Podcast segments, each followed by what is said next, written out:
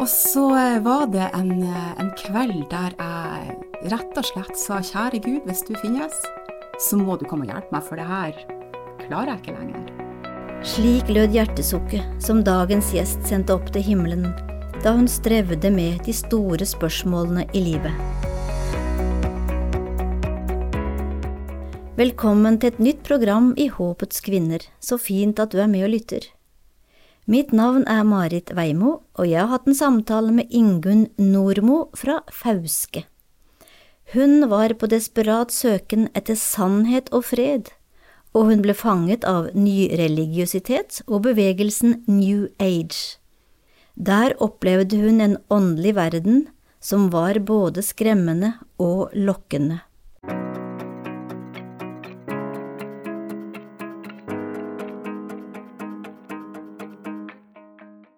Ingunn, velkommen hit til et nytt program i Håpets kvinner. Og før vi begynner samtalen, så tenkte jeg skulle lese av noen vers ifra andre Peters brev, første kapittel. Vi fulgte jo ikke klokt uttenkte myter da vi kunngjorde for dere vår Herre Jesu Kristi kraft og Hans komme. Nei, vi var øyenvitner og så Hans guddommelige storhet for han fikk ære og herlighet av Gud sin far, den gang røsten lød over ham fra den høyeste herlighet. Dette er min sønn, den elskede, i ham har jeg min glede. Vi hørte selv denne røsten fra himmelen da vi var sammen med ham på det hellige fjellet. Det var Peters historie. Men Ingunn, du har også hørt denne røsten, kan du fortelle litt om det? Jeg har jo ei historie.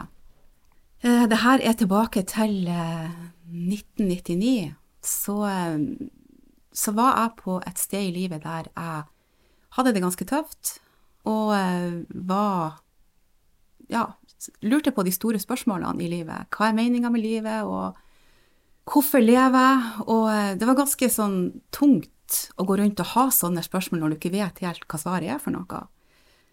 Og så eh, var det en, eh, en, kveld der jeg rett og slett sa kjære Gud, hvis du finnes, så må du komme og hjelpe meg, for det her klarer jeg ikke lenger.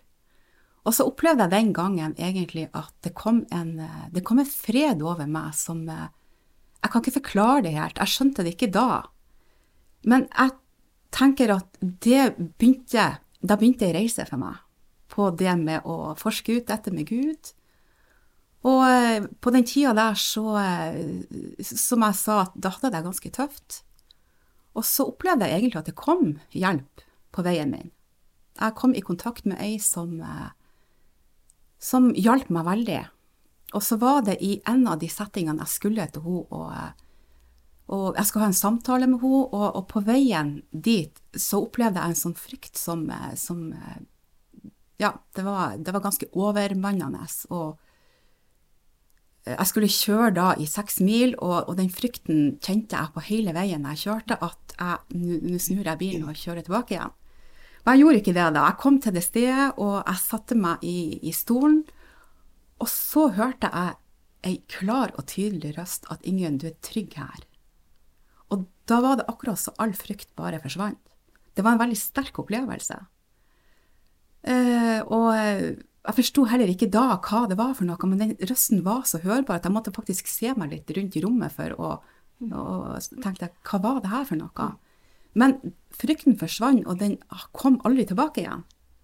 Og for meg var det ganske stort som hadde kjent på den frykten. Det var ikke første gangen jeg hadde kjent på den frykten. Eh, sånn at eh, jeg opplevde jo der og da at Gud egentlig satte meg fri fra både frykt og depresjon.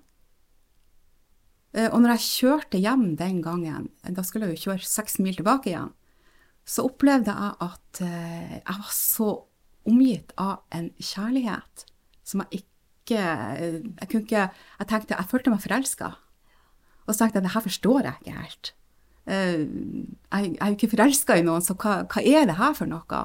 Og jeg husker på tur hjem så måtte jeg stoppe bilen, og så gikk jeg ut av bilen og så tenkte jeg det må jo være sånn prester kanskje har det når de får et kall til å bli prest. Mm. Da kjente jeg på at jeg har et kall til noe, jeg vet ikke hva, jeg vet ikke hvor, eh, men jeg kan forlate alt i denne verden for å følge det som på en måte jeg er kalt til. Og så hadde jeg ikke ord å sette på det den gangen. Ordene har kommet nå i ettertid, men det var jo en opplevelse og en, en følelse jeg hadde. Og det gjorde jo at jeg begynte å bli nysgjerrig på hva, hva er det som har møtt meg? Hva er denne kjærligheten? Det, det kjentes overnaturlig ut. Og så, eh, så starta da ei, ei, ei, reise i å finne ut av hva, hva er det her for noe. Da var det naturlig for meg først og fremst å søke inn i New Age-bevegelsen. Jeg kom i kontakt med folk som drev og mediterte, og jeg var i en eh, ja, i en setting der vi jevnlig møttes for å, for å meditere og ikke søke Gud, først og fremst. I, New Age-bevegelsen så er det jo litt sånn at alt fører til Gud, på en måte. De kaller ikke, de kaller, altså Man har ikke benevnelse Gud, det er mer som at det er kraft og det er makt. Det finnes noe mer mellom himmel og jord, og så er det liksom mange veier dit, da. Sånn at eh, jeg var jo i denne eh, settinga i lang tid. Men jeg fant liksom ikke svar på det jeg hadde opplevd. Det fant jeg ikke helt ut av. På samme tid som jeg møtte så mye flotte folk, folk som er sultne og tørst på det åndelige. Eh, og så opplevde jeg etter hvert i, i denne tida da, det var vel kanskje over en toårstid at jeg var i, i denne bevegelsen da, så opplevde jeg å, eh, å, å, få noe som eh, I den bevegelsen så heter det automatskrift. Det betyr at det jeg opplevde, det var at jeg var veldig åpen for det åndelige. Og da opplevde jeg at, at jeg kjente fysisk, konkret, at noen tok tak i handa mi, og så kom det budskap på papiret, da, mm. som, som kom ikke fra mine tanker, for å si det sånn. Så da ble det veldig, veldig tydelig for meg at her er det virkelig en åndelig verden. Den ble veldig, veldig virkelig. Uh, og det var både fascinerende, men også litt skremmende, syns jeg. Fordi at uh, da begynte jeg å lure litt på hva Ok, nå ble det veldig virkelig, det her. Hva er disse opplevelsene? Hva, hvem er det som holder i denne hånda mi? Uh, disse budskapene var fine budskap. og og jeg hadde noen gang en dialog altså med dem. Hvem er dere? Og så følte jeg at ah, nei, det her, det, her det her, forstår jeg ikke helt. Så jeg, fikk, jeg var veldig, veldig, hadde et veldig behov for å finne ut av dette. Så jeg spurte jo veldig sånn, søkte svar hos nesten hvem som helst. Og fikk til svar fra de aller fleste at men du, du vil kjenne på For jeg jeg lurte på hva er godt ut av det her, og hva er ondt ut av det her. altså ja, så fikk jeg til svar at det, det, det, vil du føle, det vil du kjenne, du skjønner hva som er godt, og du vil skjønne hva som ikke er godt. Og så tenkte jeg at men det, det vet jeg ikke helt om jeg klarer å finne ut av hvem som er godt og hva som er vondt, når jeg med mine, som menneske med mine fem sanser ikke bestandig klarer å, å skille mellom gode og onde mennesker. Hvordan skal jeg klare å skille mellom det i det åndelige? Så, og så var jeg så heldig å få en samtale med en som var tidligere pastor. Og så spurte han det samme spørsmålet. Hvordan kan jeg vite, når jeg får sånn automatskrift, hva er det som eh, kommer mm. i det her? Og så, og så, fortalte han jo meg Det har jeg jo hørt før. Jeg har jo hatt kristendomsundervisning på skolen. og eh, Ikke ukjente ord for meg, men han siterte da fra Johannes eh, 14. At Jesus er veien, sannheten og livet. Ingen kommer til Faderen uten ved ham. Og når han sa de ordene, så kjente jeg at ah, der har du det. Han kan jeg gå gjennom. Han kan vise meg hva som er rett, hva som er ondt, og hva som er godt. Og så falt bare brikkene på plass. Og så kom den her freden som jeg da hadde opplevd i de her opplevelsene, som jeg fortalte om. Da falt også de brikkene på plass. Tenkte jeg det er han. Det er Jesus. Så eh, da starta min eh, reise med å bli kjent med Jesus.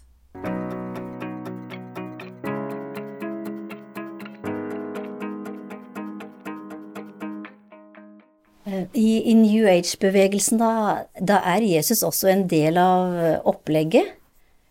Men han er ikke noen frelser, kanskje? Så Snakka dere om Jesus i New Age når dere, når dere hadde samtaler? Eh, ja, altså vi hadde jo eh, Vi brukte jo å meditere. Og vi hadde jo faktisk noe som eh, heter Jesusmeditasjon.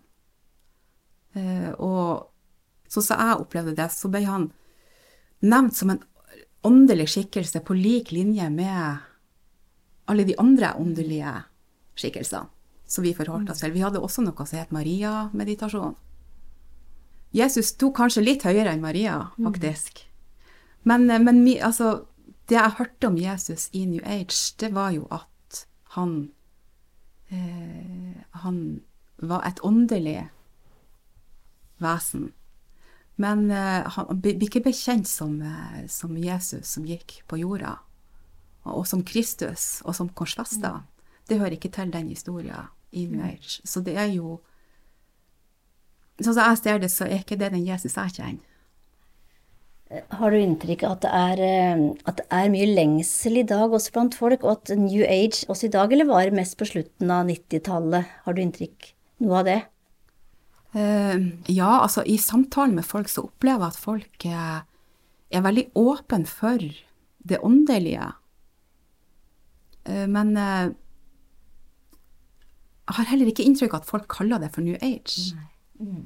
Men eh, jeg tror folk eh, lengter etter åndelige opplevelser. Etter å finne en mening med livet. Og så plukker man litt fra der man tror, ikke sant. Buddhismen, du har hinduismen, du har mange forskjellige retninger du kan på en måte leite litt i.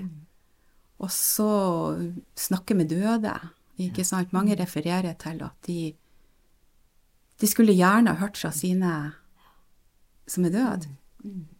Så, så, så de samtalene jeg har hatt med mye folk, det går mye på at de, de er åpne for at det finnes noe mer mellom himmel og jord. Det, det, så jeg har inntrykk av at det er en, en lengsel i samfunnet i dag etter å finne ei større mening med livet. ja. Du Ingunn, du var jo med i bevegelsen da, i New Age-bevegelsen i noen få år. Men eh, hvordan satte det sitt preg på livet ditt, og hvordan kom du deg ut av den tankegangen som, som dominerer den bevegelsen? Jeg tok jo imot Jesus som sannheten, veien og livet. Men det er klart, eh, jeg var prega av den tankegangen som eh, hadde vært under innflytelse av. Den var jeg prega av i, i noen år i etterkant. Men eh, dette med Jesus eh, ble veldig tydelig for meg, så jeg var veldig, jeg var veldig tørst etter å lære Jesus å kjenne. Og så eh, kom jeg i kontakt med noen som var kristen. Begynte å gå i ei menighet. Var under forkynnelse. Eh, Og det var utrolig flotte, fine folk som virkelig inkluderte meg i eh, menigheten og ei sånn cellegruppe som jeg gikk i. Eh, Så jeg var jo under forkynnelse der jeg fikk være med de. Jeg merka en forskjell på det å være i New Age og det å komme inn i en menighet. Blant annet, jeg har jo to sønner da, og de var små den gangen. I New Age var det ikke noe plass for barn. Sånn at når jeg skulle på type samlinger der, så måtte jeg ha barnevakt. Mens at eh, på de her samlingene hos de kristne, da, der eh, var det plass til guttene mine. Og de fant sin naturlige plass veldig fort. Og jeg fant også min plass veldig fort. Eh, Men i en del år, eller ett år kanskje, to år, så trodde jeg like mye på reinkarnasjon, så jeg trodde på Jesus. Så det var en blanding, når du spør om hvordan jeg ble på en måte kvitt den eh, tankegangen som jeg hadde vært under innflytelse av.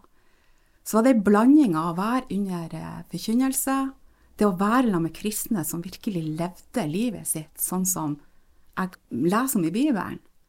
De var inkluderende, de var varme, de var kjærlige, de eh, tok imot oss med åpne armer. Også Den hellige ånds eh, innflytelse. Fordi at jeg var så tørst og lengtende etter å bli kjent mer med Jesus. Så litt etter litt så, eh, så begynte jeg å skjønne at eh, jeg hadde jo masse bøker jeg hadde lest i New Age. Jeg hadde ei samling av steiner. Kanskje ikke så kjent for mange, men det er jo en, idé er en tanke om at forskjellige typer steiner gir deg kraft og har helbredende kraft. Så jeg hadde jo en stor samling av steiner og bøker da, som hadde på en måte vært livbøyla mi i noen år. Og så, etter noen år, så kom jeg fram til det og kjente på det at vet du, nå må jeg bare kvitte meg med disse tingene her. Det var ingen som hadde sagt at jeg måtte gjøre det. Eh, jeg tror hvis noen hadde vært veldig sånn med pekefingeren de første årene, og sagt til meg at Ingunn, du må kvitte deg med det, du må gjøre sånn og sånn, du må slutte med det og det, så hadde det kanskje skjøvet meg unna. Jeg kommer ifra en bakgrunn der jeg var vant til å drikke alkohol. Jeg var vant til eh, Altså, i det verdslige, så I hvert fall i Nord-Norge så bannes man en del.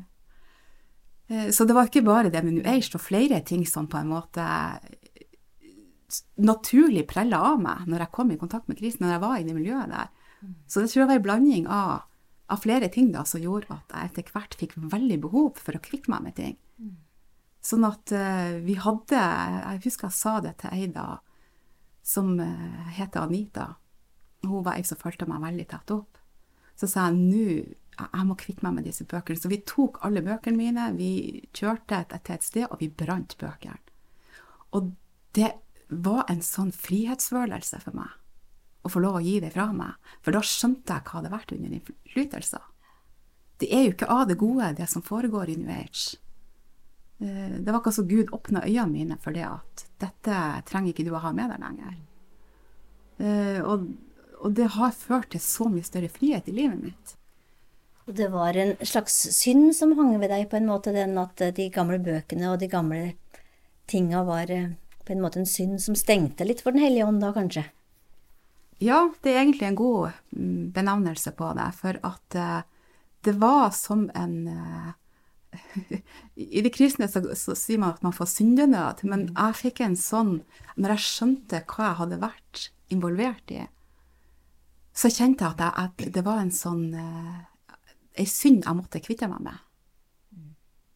Og da ble du fri? Ja, og da, det førte til enda større frihet. Det er jo en, en, del av det å være og tørste og lengte etter Jesus, det er jo at han vil jo sette oss i frihet.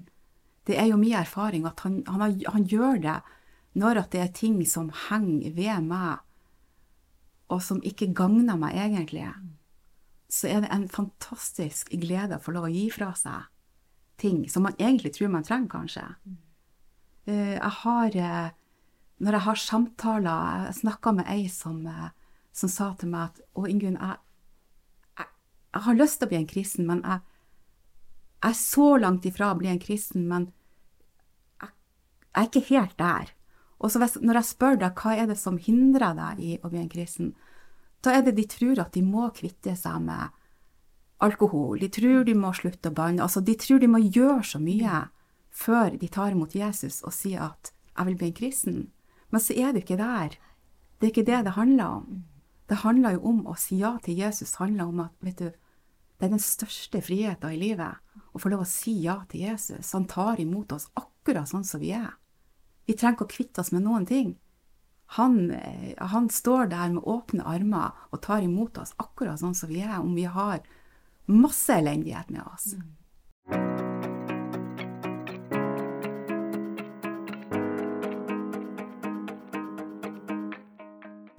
Du lytter nå til Håpets kvinner fra Norea Mediemisjonen, og du har møtt Ingunn Nordmo. Hennes historie er et sterkt vitnesbyrd om veien ut av New Age. For henne ble Jesu egne ord det som førte henne ut i frihet og nytt liv, nemlig Jeg er veien, sannheten og livet. Denne nye friheten har også ført henne dit hun er i dag i yrkeslivet, som en del av staben ved bønnesenteret i Levanger. Det er ikke bare i Norge at mennesker leter etter sannhet og frihet. Programmet Håpets kvinner blir produsert i mange land og sendt på mange språk. Det når inn over stengte grenser, og det når inn til hjerter som lengter etter å finne en mening i tilværelsen. I Midtøsten får mange jenter oppleve fra de er små at de som kvinner ikke er verdt noen ting. Jeg har selv hørt og lest vitnesbyrd hvor jenter forteller at de blir behandlet verre enn dyr. Når de så kommer over Håpets kvinner-programmene på deres eget morsmål, ja, da dukker det opp mange spørsmål. For et par år siden var jeg på en konferanse hvor jeg traff en av de unge damene fra Håpets kvinner, som har kontakt med lyttere gjennom sosiale medier. Hun kunne fortelle at de får hundrevis av tilbakemeldinger hver uke, og de prøver å holde kontakt med mange av dem over litt lengre tid. En av dem som har tatt kontakt, er Shorok fra Syria. Hun skriver, Jeg har lyttet til programmet Håpets kvinner, og jeg fikk så lyst til å skrive og si at den kristne troen forundrer meg. Jeg har alltid fått høre at den er forfalsket, men jeg merket at jeg fikk fred i hjertet da dere talte, mer enn det jeg får når jeg leser Koranen. Kan jeg få stille dere noen spørsmål om troen deres? Ja, Shorok har fått stille spørsmål, hun er en av dem som våre partnere har jevnlig kontakt med. Hun tar imot bibelvers og stiller mange spørsmål, ikke for å diskutere, men for å vite mer. Hun ønsker å finne ekte fred. Du kan gjerne lese mer om Håpets kvinner, blant annet om arbeid i Midtøsten, og du finner oss ved å klikke på norea.no. La oss sammen be. Kjære Jesus, takk for at du er veien, sannheten og livet, og den som kommer til deg vil du aldri støte bort. Du som veien er og livet, deg vi har vårt håndslag givet, deg det er på hvem vi tror. Mellom alle verdens røster, bare din er den som trøster, led oss i ditt hyrdespor. Herren velsigne deg og bevare deg. Herren la sitt ansikt lyse over deg og være deg nådig. Herren løfte sitt åsyn på deg og gi deg fred. Amen.